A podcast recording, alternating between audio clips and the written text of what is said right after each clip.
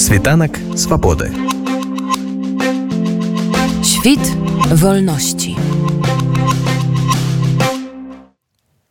Калі расійскі добраахвотніцкі корпус упершыню зайшоў на тэрыторыю бранскай вобласці гэта стварыла сапраўдны шок. У медыях многія не адразу зразумелі што адбываецца. Шмат хто і дагэтуль не разумее навошта гэтыя вылазкі на тэрыторыю рассіі вяртання назад ва ўкраіну.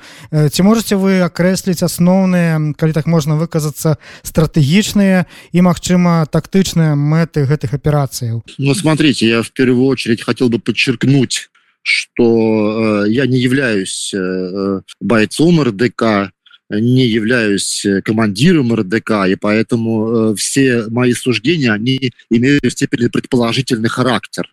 Я знаю хорошо некоторых бойцов РДК, знаю их командира. Я считаю РДК союзниками э, своими в борьбе против путинского режима, союзниками русских. В любом случае, как бы я говорю предположительно. Вот. С моей точки зрения, РДК, во-первых, пытается создать костяк для грядущей антипутинской русской армии, то есть для той армии, которая будет воевать с путинским режимом в дальнейшем, потому что ни у кого из здравомыслей нет никаких иллюзий по поводу попыток э, свержения Путина мирным путем, путем мирных протестов. И русский опыт, белорусский, кстати говоря, опыт э, абсолютно показали и доказали. Попытки ходить с шариками, с флажками и петь песни в борьбе с тиранией бессмысленны. Вот, поэтому предстоит вооруженная борьба. Это как не готовится. И я думаю, что это такая определенная заявка на будущее. Они свою силу демонстрируют, они демонстрируют свой потенциал, демонстрируют свою смелость. Э, больше людей, больше волонтеров, больше добровольцев шло к ним под их знамена. Вот, это как бы первая, да, э, и основная задача. Еще одна задача, ну, это показать, ну, скажем так, населению России, показать населению тех территорий, которые находятся близ границ Украины, что российское государство в плане, в оперативном плане банкрот. Оно не в состоянии оборонять свои рубежи, оно не в состоянии э, защитить э, территории подконтрольные. Вот. Это операции по, если угодно, развинчиванию режима, там, демонстрированию его слабости, его беспомощности, утраты режимом сакральности определенной власти. Это вот то, что РТК, э, с моей точки зрения, с моей точки зрения, преследует. Да, вот такую цель тоже. Ці можете вы узгадаць колькі падобных выхадаў на расійскую тэрыторыю байцы расійскага добраахвотніцкага корпуса ўжо ажыццявілі дзе яны адбываліся і што ім удалось зрабіць Это уже ж не первая их э, такая операция, но самая масштабная, безусловно. В мае была самая масштабная в Белгородской области. До этого было две у них операции. Это обе были в Брянской области в начале марта, 2 марта, если не ошибаюсь, и 6 апреля.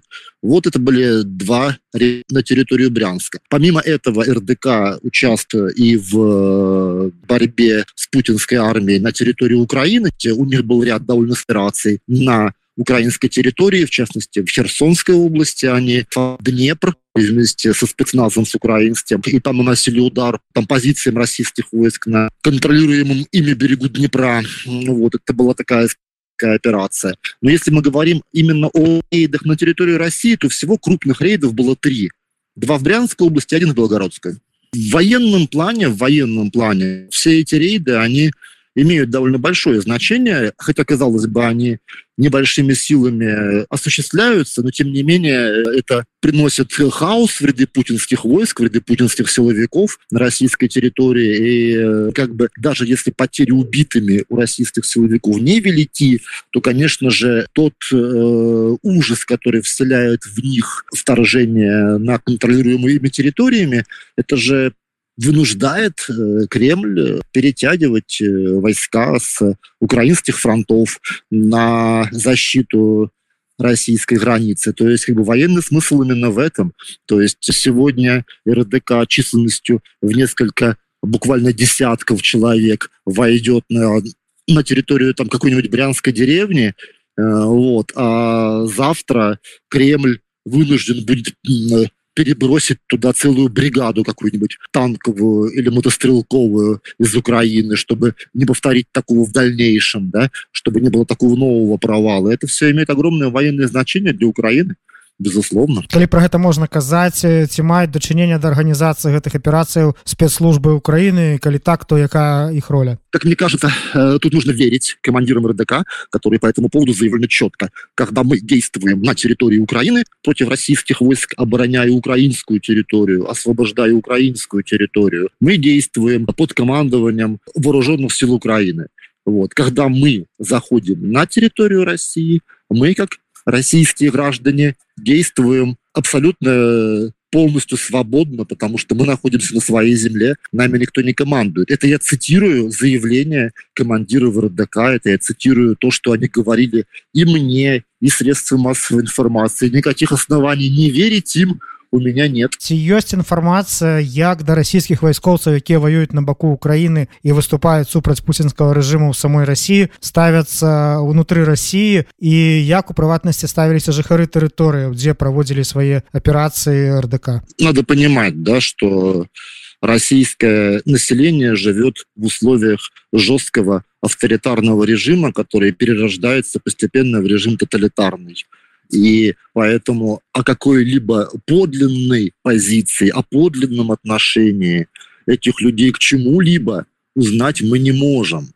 Вот, как бы в России не существует социологических опросов нормальных, да, никто не осмелится сказать правду социологам никаким, потому что все боятся репрессий. Поэтому тут бессмысленно как бы рассуждать. Ну, давайте у белорусов спросим, как они к там, Калиновского относятся, да, разумеется, открыто никто не поддерживает, да, потому что это страшно, да, это репрессии, это как бы тюрьмой чревато, там, ОМОНом и всем чем угодно. Ну, вот. Также и в России такая же ситуация. Люди будут молчать до тех пор, пока они не поймут, что режим в самом деле пошатнулся и трещит по швам. Да? Как бы, но важно понимать, следующее. То, что пассионарная, активная часть общества, она, конечно же, поддерживает РДК. Это я знаю просто по своим каким-то инсайдерским источникам, потому что мне доходит э, через э, тех людей, э, с которыми я контактирую.